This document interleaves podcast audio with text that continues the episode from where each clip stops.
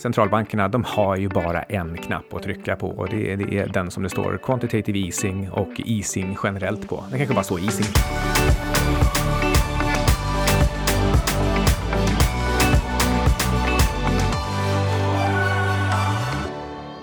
Hej! Syding och Svan är tillbaka igen med Outsiders. Och Alexander Marton. Mm, det är han som eh, klipper och fixar, och editerar och lägger på bra ljud. Vi har hört att vissa av våra lyssnare har saknat oss de här två veckorna. Ja, någon särskild? Nej. Nej, nej. nej men det, det, eh, vi kanske var otydliga när vi berättade att det skulle vara en paus. Det här är hur som helst eh, avsnitt 99. Så vi är nära hundringen med andra ord. Och vi tänkte ge er en outlook för ädelmetaller idag. Så vi ska prata om guld, silver, palladium och platina. Vad vi har i våra portföljer, varför och på vilken tidshorisont. Mm, vi ska prata om hur guldet har betett sig här under det här Iran-USA-kriget, om vi ska kalla det för det. Eh, och också varför silver inte hängde med guld upp. Precis, och det här sänds när jag befinner mig i eh, Buenos Aires, precis innan jag åker vidare till eh, en plats som heter Cobo eh, Polonio. Men innan vi kör igång med alltihop och innan vi eh, pratar om ädelmetaller så sprang jag på en liten kul grej där rådium brukar rusa typ 1000 procent eller något liknande, få en sån här riktig spike uppåt innan, eh, eller precis innan en recession slår till. Och nu har den gjort det igen, gått från 700 till 7500. Eh, det kanske inte har så mycket med det här att göra, men eh, blir det en lågkonjunktur, då kan det vara bra att gömma sig i guld. Men det kan också vara som så att, som precis som vi har varit inne på innan, att vi faktiskt kan se en recession utan en börskrasch för att vi har sådana kraftiga monetära stimulanser. Så det är mycket möjligt att eh, rodium signalerar för att vi kommer se en svag ekonomi, men det är inte säkert att det återspeglas i aktiepriserna. Nej, man kanske får samma spike i aktiepriser som i rodium.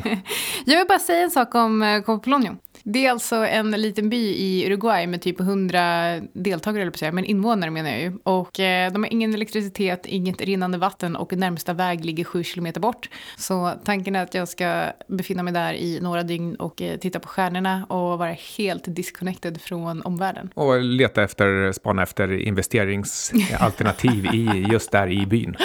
Alltså jag tänker att om man bygger ut elnätet där så... Nej då, men det ska bli... Eh, vi valde mellan att åka dit och eh, ett annat ställe som påminner lite om Ibiza. Men då känner jag att det känns som att den, här typen av upplevelse, en sån chans får man bara en gång i livet. Eller fler, jag vet inte. Ah, jättekul! Det, sånt här chans, chans får man bara en gång i livet tänkte jag. Men Micke, ska vi bara gå, egentligen gå igenom hur ädelmetallerna har utvecklats eh, under 2019? Mm, jag har inte riktigt huvudet exakt just eh, januari till december, men däremot på ett år per idag, vad är det för datum idag egentligen, 13 januari, Ja. så har guldet gått upp 28 procent.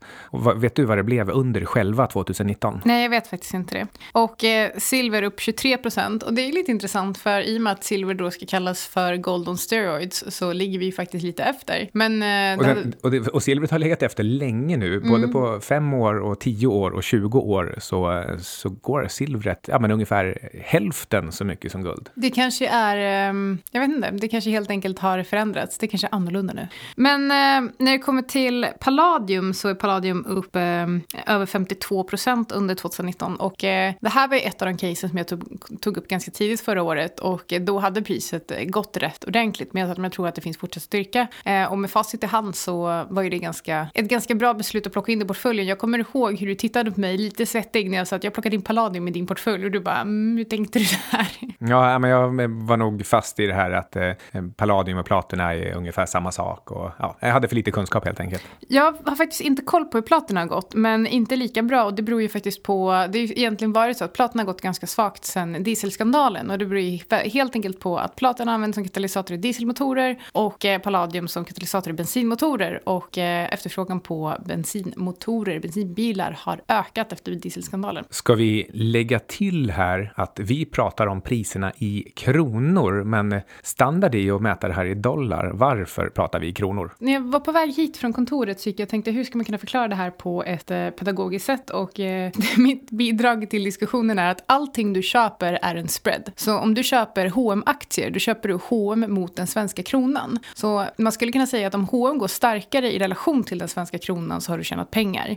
Men det kan också vara så att om du skulle exponera dig mot H&M mot dollar så får du en typ av valutaeffekt den svenska kronan. Så om den svenska kronan går sämre än dollarn så kan det fortfarande vara som så att du förlorar pengar.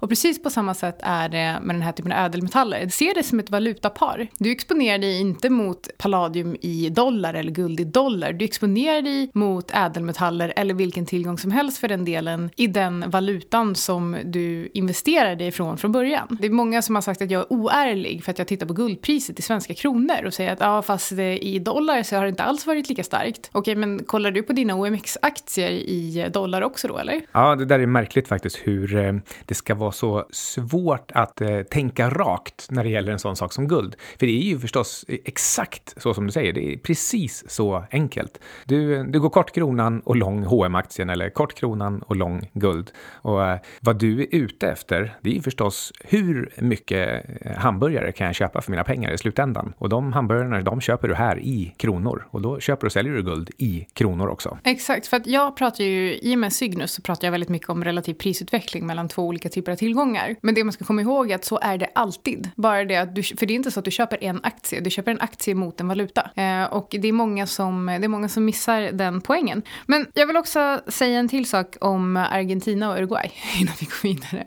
Jag vill därför göra lite research också. Vad tänker du researcha? Jag är ju en sojabönna och eh, det är ju som så att eh, Argentina är ju ett land som producerar extremt mycket sojabönor. Och eh, det är nämligen så att du får färre dollar för dina pesos om det är för att du säljer sojabönor än om det är något annat. Så jag tänkte faktiskt att jag skulle gå in på diverse växlingskontor och titta på hur mycket det skiljer sig från olika platser.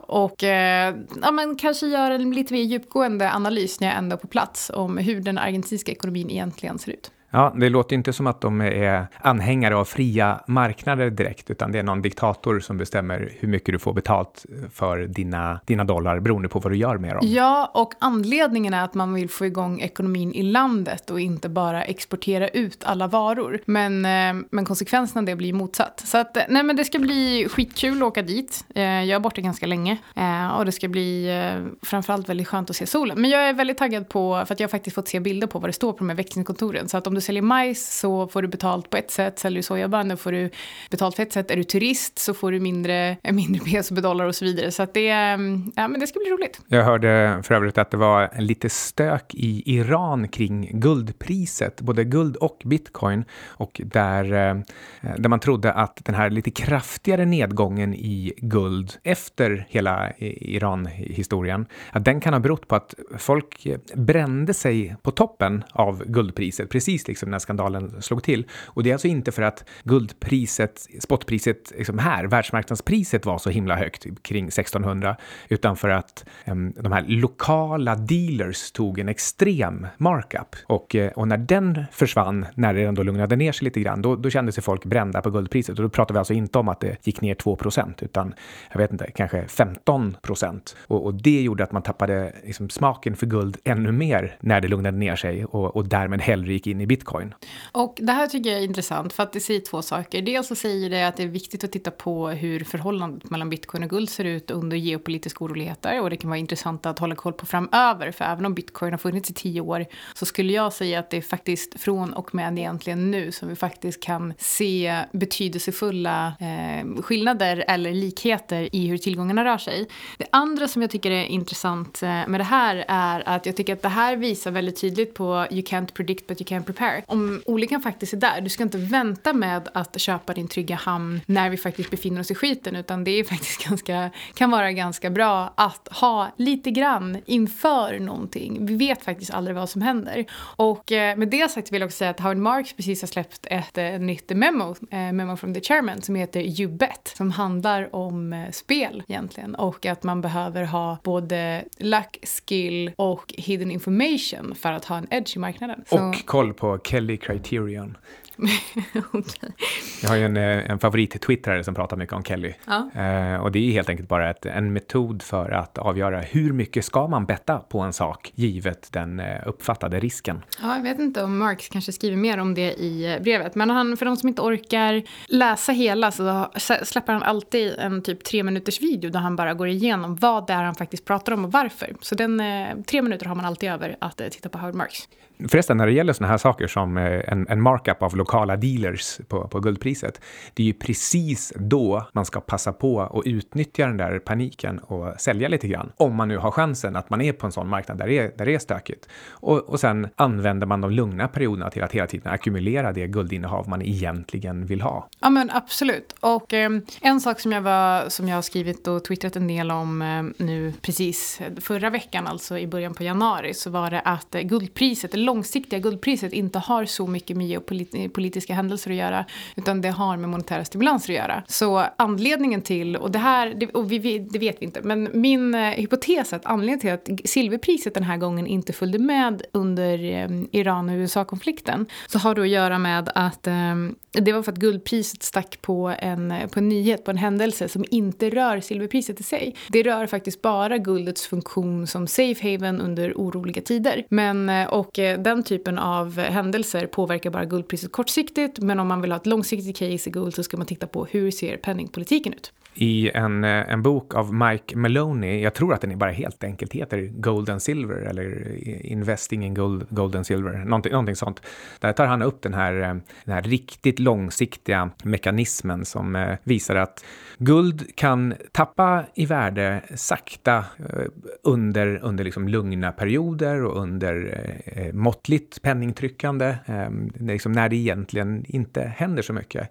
Och, och sen kommer det alltid en fas då, då guldet måste justeras snabbt i pris för att faktiskt motsvara ungefär så mycket eh, penningmängd som finns. Och det, och det här är ju väldigt tydligt bakåt i tiden. Det, det här gör också att guldet eh, över tid ska inte öka i, i realvärde. Det, det, finns ingen real avkastning utan den bara justeras tillbaka till mängden saker och, eh, och pengar som finns. Det som jag tycker är intressant är att folk har fått dem bakfoten, de ser åt fel håll. För de tittar på hur förändras priset guld per fiatvaluta? När man istället bör fundera på eh, se egentligen guldet som, eh, som det som inte förändras i värde men se hur priset fluktueras kring guld för alla andra tillgångar. Det tar de väl också upp i den här boken? Mm, precis, och, och uppmanar också att eh, själv eh, kolla upp vad kostar olja i termer av gram guld? Vad kostar en enhet Dow Jones i termer av gram guld? Och så vidare.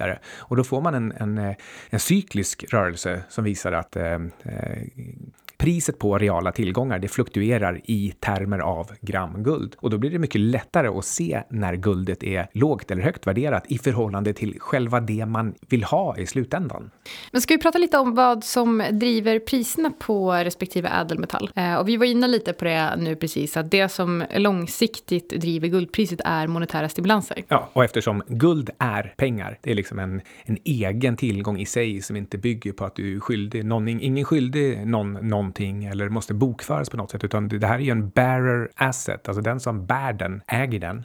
Och eh, det som kallas för pengar, men som egentligen bara är valuta, eh, det måste hela tiden då justeras. Så att, så att eh, valuta kostar så mycket som det finns pengar och, och tvärtom. Och därför är det ju de monetära stimulanserna som över tid driver guldpriset. Så det man skulle kunna säga är att om man vill investera i guld, då gör man det för, för att man har en viss tro om eh, världens centralbanker egentligen och hur de kommer att agera under en lång tid framöver. Vill man spekulera i guldpriset så gör man det för att man tror till exempel att det kan vara så att det kommer vara oroligt runt om i världen. Ja, och kombinerar man de där två så kan man ju faktiskt försöka köpa guldet när det är mycket monetära stimulanser och man samtidigt tror att det kanske kan komma oroligheter som, som driver upp priset. Men man vill ju inte köpa guldet om det är dyrt relativt, liksom att det är för lite monetära stimulanser. När det kommer till silver så skiljer det sig från guld i och med att det är både en industrimetall och en ädelmetall. Och även om, guld, eh, även om silver kallas för guld på steroider så var vi inne på det att det var ganska länge sedan som vi faktiskt såg den här hävstångseffekten på silver mot eh, guld. Och anledningen till att silverpriset, eller vår hypotes, eller min hypotes, att silverpriset inte hängde med guldpriset under konflikten mellan Iran och USA så är det för att silvret helt enkelt inte uppfyller de kriterier eller har den funktionen som guld har i den typen av eh, geopolitiska oroligheter. Man kan ju fundera lite grann också på kanske varför silver silver laggar guld. Alltså varför det en eftersläpning. Och jag tror att det kan bero på att silver ändå någonstans till slut uppfattas som pengar. Det är den andra sortens pengar som finns och det är liksom just guld och silver man historiskt alltid har använt.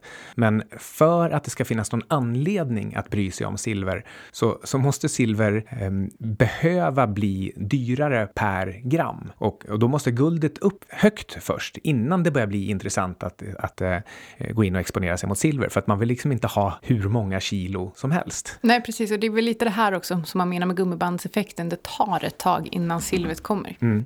Och eh, så finns det ytterligare en, en grej här som eh, och det är att eh, silver är typiskt sett inte någonting man eh, gräver efter, utan det är en biprodukt. Och det är lite samma sak eh, inom palladium och platinum också. Även om de används till olika saker så är det så att platina är en eh, restprodukt när du gräver efter palladium. Och eh, det gör att de kommer upp i vissa proportioner som gör att eh, om, det, om du är ute efter palladium då får du upp alldeles för mycket platina och då blir den ännu billigare. Och det var det, precis det jag också tänkte säga att i och med att efterfrågan på platina har sjunkit så pass mycket samtidigt som efterfrågan på palladium har stigit så pass mycket och så innebär det att man har grävt efter mer palladium, fått upp mer palladium samtidigt som man har byggt upp stora lager av platina. Så att eh, den långsiktiga horisonten för platina är nog fortfarande ganska negativ och eh, lite som jag tror att vi diskuterade i avsnittet avsnittet innan eh, förra, när vi pratade om recession utan börskrasch, så tror jag också att jag sa att industrimetaller, om vi går in i en recession, även om det inte innebär att aktiepriser faller, så kan det ändå vara ganska farligt för, eh, eh, för industrimetaller. Och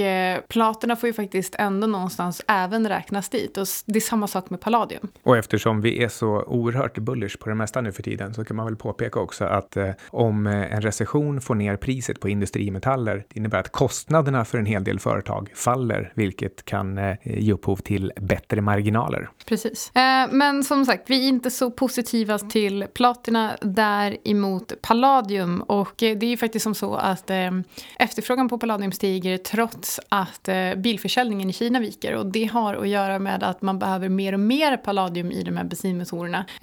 Och samtidigt så har vi en viss brist. Det är egentligen ingen fysisk brist, utan det har egentligen att göra med att Ryssland har strypt tillgången. Så om de öppnar upp, eh, öppnar upp den typen av export igen så kan vi se, kan det eventuellt påverka priset eh, på palladium. Men ja, som sagt, som vi sa innan, palladiumpriset upp över 50 procent under 2019 i svenska kronor och eh, det finns faktiskt fortsatt uppsida. Så jag är fortfarande positiv till palladium, även om jag faktiskt skalade av lite grann i december för att köpa lite mer guld, vilket visade sig vara en ganska bra idé. Och det är väl också lite självklart nästan att om du har någon slags målvikt och den ena går upp 50 procent och den andra typ 25 så eh, då har ju vikterna förskjutits och då vill du vikta om. Ja, precis. Jag har ju en modell som talar om för mig hur, eh, hur mycket jag ska äga av respektive råvara.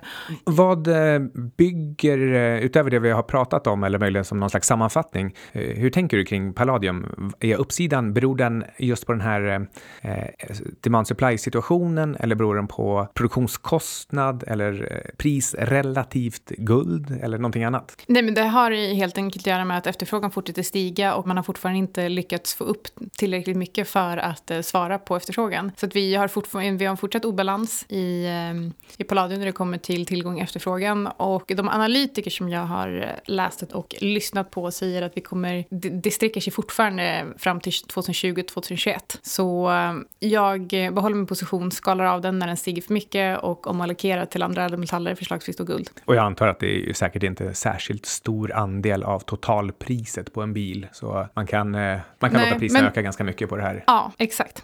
Men ska vi prata lite egentligen, för vi, nu pratar vi ju lite om outlooken för Palladium. Vi nämnde också att vi inte är så himla positiva till platina. Men vad tror vi egentligen om uh, guldet 2020? Jag var ju med i det här fenomenala tv-programmet EFN Börslunch för ett tag sedan och pratade om moden av alla monetära stimulanser. Och jag tror verkligen att det är ditåt vi är på väg. Nu kom till exempel eh, Leading Economic Indicators in och visar på fortsatt svaghet, även om ekonomerna någonstans försöker prata om att eh, nu ser det ljust ut för ekonomin igen. Och eh, jag tror att eh, centralbankerna, de har ju bara en knapp att trycka på och det, det är den som det står quantitative easing och easing generellt på. Det kanske bara står easing på den. Och eh, om vi tittar nu på utsikterna för framförallt USA och eh, eh EU, som, och USA är väl framförallt liksom måttstocken, EU är också viktigt. Så eh, USA har faktiskt en hel del ränta att fortsätta sänka, vilket skulle vara positivt för, eh, eh för guldpriset i, eh, i dollar. Och EU och ECB vill ju också egentligen utöka sitt QE-program, så jag skulle ju definitivt inte sälja guld på de här nivåerna. Famous last words. jag tror myndigheterna, de är livrädda och det beror på att vi har rekordhöga skulder. Det kom ju alldeles eh, nyss eh, uppdaterad global statistik över, över skuldbördan också och det är väl någonstans i stor, storleksordningen 253 trillion US dollar globalt. Det är, jag tror, utvecklade ekonomier har eh, skuldbördor på 350-380 procent av BNP, någonting sånt och eh, utvecklingsländer ungefär 220 procent av BNP. Det här är enormt höga siffror på skuldbördorna och det innebär att man kan inte höja räntan, får inte höja räntan. Man, snarare tvärtom måste man se till att stimulera ännu högre lånetillväxt för att eh, inte det här korthuset ska kollapsa. Sen ska vi också komma ihåg att eh, vi har precis gått ifrån eh, ett par år som eh, då centralbanker inte har köpt så mycket guld som de gjorde sedan 70-talet. Och eh, det skulle faktiskt kunna ses som en förberedelse på de här monetära stimulanserna som vi faktiskt nu ser på olika håll. Eh, så mm, de har ju köpt guld för att de tror att det är en säker hamn i deras egen politik framöver. Så jag skulle säga att det är också ett ganska gott tecken för priset på guld. Du kommer säkert ihåg den här härliga historien om eh, Storbritanniens penningsystem med med Pippa Malmgren. Tallysticks. Tallysticks, ja precis. Eh, och som sen i slutändan ledde till att man, man brände ner centralbanken.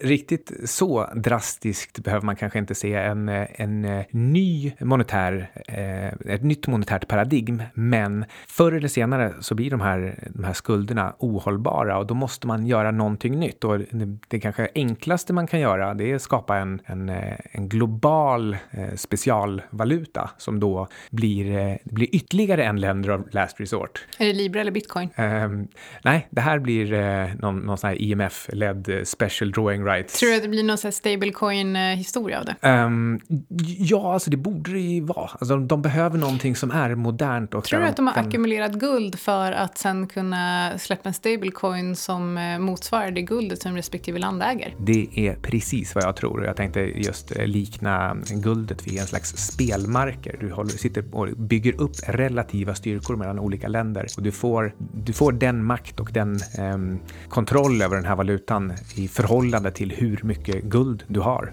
Och sen blir bara den stora frågan, hur många procent backad ska den vara? Det verkar ju helt orimligt att backa den ett till ett, alltså så som en, en, en typisk ETF är. För eh, då har vi ju guldpris på 100 000 dollar eller något sånt per ounce. Det gör väl inget. men, men den kan ju vara backad med 10 procent. Det är i och för sig asbra för alla länder som är guld, för då blir statsskulden relativt relativt eh, deras eh, guldägo väldigt liten. Ja. Så då kan vi lösa det problemet utan inflation. Mm. Den här veckan är vi sponsrade av Atlant Fonder och eh, jag sitter här med Mattias Gromark som är förvaltare på fonden eh, Pacific Precious som handlar med ädelmetaller. Och det är den 21 januari. Eh, hej Mattias! Hej! Trevligt att få vara med. Vi tänkte prata lite grann om guldet. Vad har du för eh, idé här? Eh, guldet har ju utvecklats väldigt väl här eh, under året. Det har ju drivits på väldigt mycket av de politiska riskerna som har frodats under året. Först var det ju Kina-USA problematiken som drev på med handelskriget. Men sen senare fick vi även eskaleringen mellan USA och Iran som gjorde att vi fick extra fart här under året. Och detta är väldigt intressant för att samtidigt som guldet har gått bra och eh, sektorn kring det så har ju eh, andra marknader såsom aktiemarknaden också utvecklats väldigt väl, vilket är väldigt ovanligt. Men det tyder på att eh, det finns ju ett antal risker under ytan som marknaden väljer att eh, ta fasta på och som man tycker är väldigt viktiga trots att aktiemarknaden fortsätter upp. Jag och Anna brukar ibland prata om att det bland annat är hög skuldsättning och den totala penningmängden och lite sådana faktorer som på lång sikt driver guldpriset kanske ännu mer än geopolitisk oro. Vad, hur tänker du kring de här sakerna? Det är ett faktum att skuldsättningen globalt eh, fortsätter öka. Om man ser bara sedan 2007 året för finanskrisen så har ju globala skuldsättningen förvärv till exempel. Ehm, största problemet som man kan se det är väl USAs strukturella eh, strukturella budgetunderskott som eh, inte är hållbart på sikt. Eh, så att där måste ju någonting ske någon gång. Kina å andra sidan verkar ha tagit eh, tag i skuldsättningen i statsägda bolagen. Och det hanteras just nu. Och det, det innebär att bolag kommer gå konkurs. Det kommer väl vara en annan bank som går konkurs. Men det ser väl ändå ut som man har det under kontroll och det sker under ordnade former som jag minns det så eh, var det egentligen Kina som räddade världen där någonstans när det var lite en scare 2016 genom att eh, verkligen trycka på med stimulanserna. Men eh, om de inte vill göra det den här gången, då eh, ser det kanske lite värre ut. De har ju ett annat fokus nu. Nu är det ju, dels så vill man ju inte göra samma sak igen för att man såg att det, det byggdes upp mycket eh, kapacitet som man inte behövde. Det sker, skedde mycket dåliga investeringar. Så nu försöker man väl fine-tuna istället genom att lätta säkerhetskrav i bankväsendet och så vidare. Eh, så att vi får nog inte se samma draghjälp därifrån. Men å andra sidan, vi har ju eh, USA och Federal Reserve som drar sitt strå till stacken och samtidigt ECB som gör sitt. Så det är ju så att eh, från mitten på 2019 så är det återigen, det är mer stimulanser som kommer ut i systemet från centralbankerna. Så att eh, det är mer av samma som jag sett tidigare och eh, det kommer ju på sikt späda ut värdet av eh, US-dollarn till exempel. Och hur ska man spela det här? Vad, hur ser du på det i, ur ett portföljperspektiv? Ja, det klimat vi har med mycket stimulanser och fortsatt låga räntor, ja, det, det gynnar ju framförallt aktiemarknaden. Men eh, aktiemarknaden är som den är. Just nu finns det ju ingen volatilitet och ingen risk i marknaden. Men det är ju bara ett år tillbaks så vi kan minnas den nedgången vi hade in i slutet på eh, i december inför årsskiftet 18-19. Och det kommer ju komma igen. Så att eh, i denna marknad med även mer stimulanser så kommer vi ju få att se att dollarn kommer att rulla över här under året. Det är högst sannolikt när Fed fortsätter sänka. För då sjunker ju, då minskar ju räntedifferensen mot övriga världen och eh, dollarn kommer att börja tappa. Och samtidigt då om vi nu får en viss skjuts upp i konjunkturen igen efter att handelsoron har minskat och att eh, centralbankernas åtgärder börjar ge lite stimulans så kommer ju riskaversionen mot andra valutor också minska. Och i det klimatet så gynnas ju också guld som är en, eh, en, en alternativ valuta till dollarn. Så att eh, om man ska se över sin portfölj efter tio års uppgång på börsen så är det ett bra läge att diversifiera över till en tillgång som rör sig okorrelerat till börsen, såsom guld till exempel. Tycker du att man ska titta på eh, guldgruvor, i sådana fall seniora eller juniora, eller kanske streamingföretag? Eller är det just det, det direkta guldpriset som är mest intressant? Jag tycker man ska ha en bred portfölj med exponering mot eh, ädelmetallsektorn, främst mot guld. Vi investerar ju dels i underliggande metallerna via eh, diverse instrument som har fysisk säkerhet, men vi investerar också stor del i bolagen som är verksamma inom sektorn. Det är dels gruvbolagen i sig men även streamingbolag som är verksamma att finansiera gruvdrift och liknande. Eh, anledningen till att man ska även titta på bolagen det är att med de uppgångar vi har på underliggande metaller så kommer ju vinsttillväxten explodera för bolagen som är verksamma. Och, eh, så att jag tror att utvecklingen kan vara betydligt bättre för bolagsbiten. Så att det är bra med en liten bredd i portföljen eh, så att man inte sätter allt på ett kort. Plus att jag tror det ger lite större möjligheter till bättre utveckling. Du pratar om en, en bred exponering inom ädelmetallsektorn, även om fokus är på guld. Vad har du för andra favoritmetaller? Ja, allt brus är just nu mot eh, palladium som går som tåget. Och det, det beror ju på ett par faktorer. Dels att det är brist på underliggande råvaran eh, från, som produceras främst i Sydafrika och Ryssland. Och sen är det ju så att det här debaclet inom bilindustrin Där vi hade att främst, tidigare så var det främst dieselbilar som skulle ses som miljöbilar till skillnad mot bensinbilarna. Men det där vände ju snabbt efter dieselskandalen. Och dieselbilar där använder man främst eh, platina i reningstekniken medan i eh, bensinbilar så använder man eh, palladium. Och nu är det så att nu är det bensinbil som gäller igen därför att dieselbilarna helt plötsligt blev eh, out of favor. Så, och därmed så vänder efterfrågan upp och det har uppstått en enorm obalans på marknaden. Men som jag ser det så ser det ut som att uppgången i palladium den börjar närma sig slutfasen. Det är en enormt kraftig uppgång. Men eh, är man eh, lång så är det bara att åka med ett tag till tills det börjar mattas av. Och i portföljen så har vi, en, har vi en liten position som vi tog in i juni. Men i övrigt om vi tittar på ädelmetallerna så ser det strukturellt ut som att eh, platina är på väg att eh, bryta upp från en lång, lång konsolidering och det ser jätteintressant ut på lite sikt. Tack så mycket Mattias som är, alltså är förvaltare på Pacific Precious som är en del av Atlant Fonder.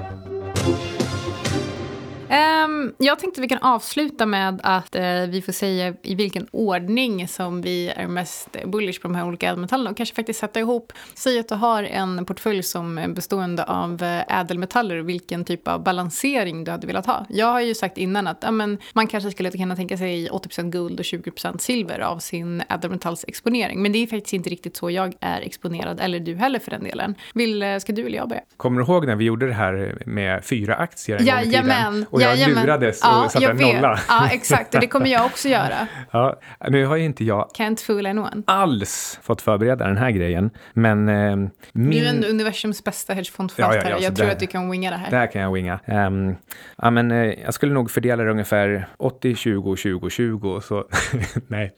Um, Ingen häv här. Nej, men eh, guld är för mig det absolut mest naturliga, stabila och trygga. Så, så det blir helt enkelt en stor position. Låt oss kalla det 75 procent. Eh, palladium och platina är inte liksom, naturliga ställen för mig att hålla på och fundera över. Vill du att jag gör mig av med din palladiumposition? Det var typ en av de bästa förra året, förutom Gran du som, du som kan sånt här, du får jättegärna hålla på med det i, i den där portföljen. Mm. Eh, men, eh, men jag har inte lust, så att jag gör inte det. Du får jättegärna göra det. Så för mig blir det 75 guld och 25 silver. Och jag tror ändå egentligen att silver kommer gå bättre än guld 2020. Jag vill ha en liten dynamisk allokering. För jag skulle i dagsläget vilja köra typ... Eh, eh, så det var din fuling? Nej, nej, men jag nollar platina. Eh, men däremot så vill jag köra kanske 80 guld, om vi pratar idag, 80 guld, 15 palladium och 5 silver. Eh, med utrymme att allokera ner i, kanske slutet på året eller slutet på nästa, nästa år, allokera ner palladiumpriset och kanske allokera antingen till silver eller till guld, lite beroende på hur den relativa prisutvecklingen mellan guld och silver faktiskt ser ut just då. Eh, men jag tror att ehm, det kan ändå vara läge att, jag tror att silverpriset är lite för volatilt eh, och har inte riktigt visat sin styrka på ganska många år på det sättet. Eh, samtidigt som det faktiskt finns ett ganska stort användningsområde för palladium. Man, det verkar ju som att man inte lär sig någonting om man som jag säger att jag tror att silvret nu efter att ha släpat efter i 1, 5, 10 och 20 år, just nu 2020 så är det dags för silvret att gå bättre än, än guld. Så det, det är ju rätt, rätt dumt och, ens försöka säga en sån sak. Men, eh, och, och egentligen så tror jag också att det kanske är lite för tidigt. Alltså guldet måste gå upp ganska mycket innan silver brukar vilja köra gummibandseffekten. Exakt. Och det är också därför som jag tror att det kan vara ganska schysst att ligga kvar i en större position i palladium just nu. Ja, och jag håller helt och hållet med om det sättet som du pratar om palladium och som jag också vet hur produktionen och efterfrågan fungerar på palladium. Så, så känns det som att 2020 kan bli ett riktigt bra år för palladium medan guldet blir ännu ett liksom så här so-so 20-25 procent, medan silvret därmed heller inte behöver någon gummibandseffekt och därför också bara går upp ungefär som, som guld. Eh, silvret går upp ungefär som guld. Men det är, jag tror ändå att det är någon gång 2020 eller 2021 som eh, det kan bli just den här gummibandseffekten på silvret kommer. Och därför så vill jag, jag vill redan nu säga det och därför så eh, blir det mitt bett här att, att silvret går bättre än guld. Ingenting som du har hört i uh, Outsiders har varit någon typ av uh, rekommendation. Så hur du än gör, försök inte få det till en rekommendation heller, utan alla placeringar är förknippade med risk som gör att du kan förlora hela eller delar av ditt kapital. Vi äger emellanåt uh, vissa av tillgångarna som vi diskuterar i den här podcasten och våra sponsorer tar inget som helst ansvar för hur du handlar i de tillgångarna. Podcasten är menad för information och underhållning Även om vi förstås själva gör så gott vi kan när vi tittar på de olika tillgångarna. Och vill man veta mer så kan man gå in på sygcap.com eller på sydingsvan.com för att signa upp sig på vårt nyhetsbrev som vi skickar ut varje söndag. Hej då!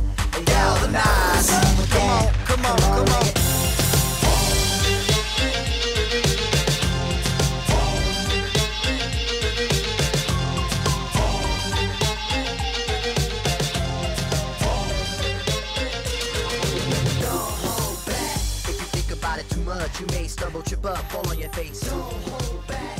You think it's time you get up. Crunch time, back and sit up. Come on, keep pace.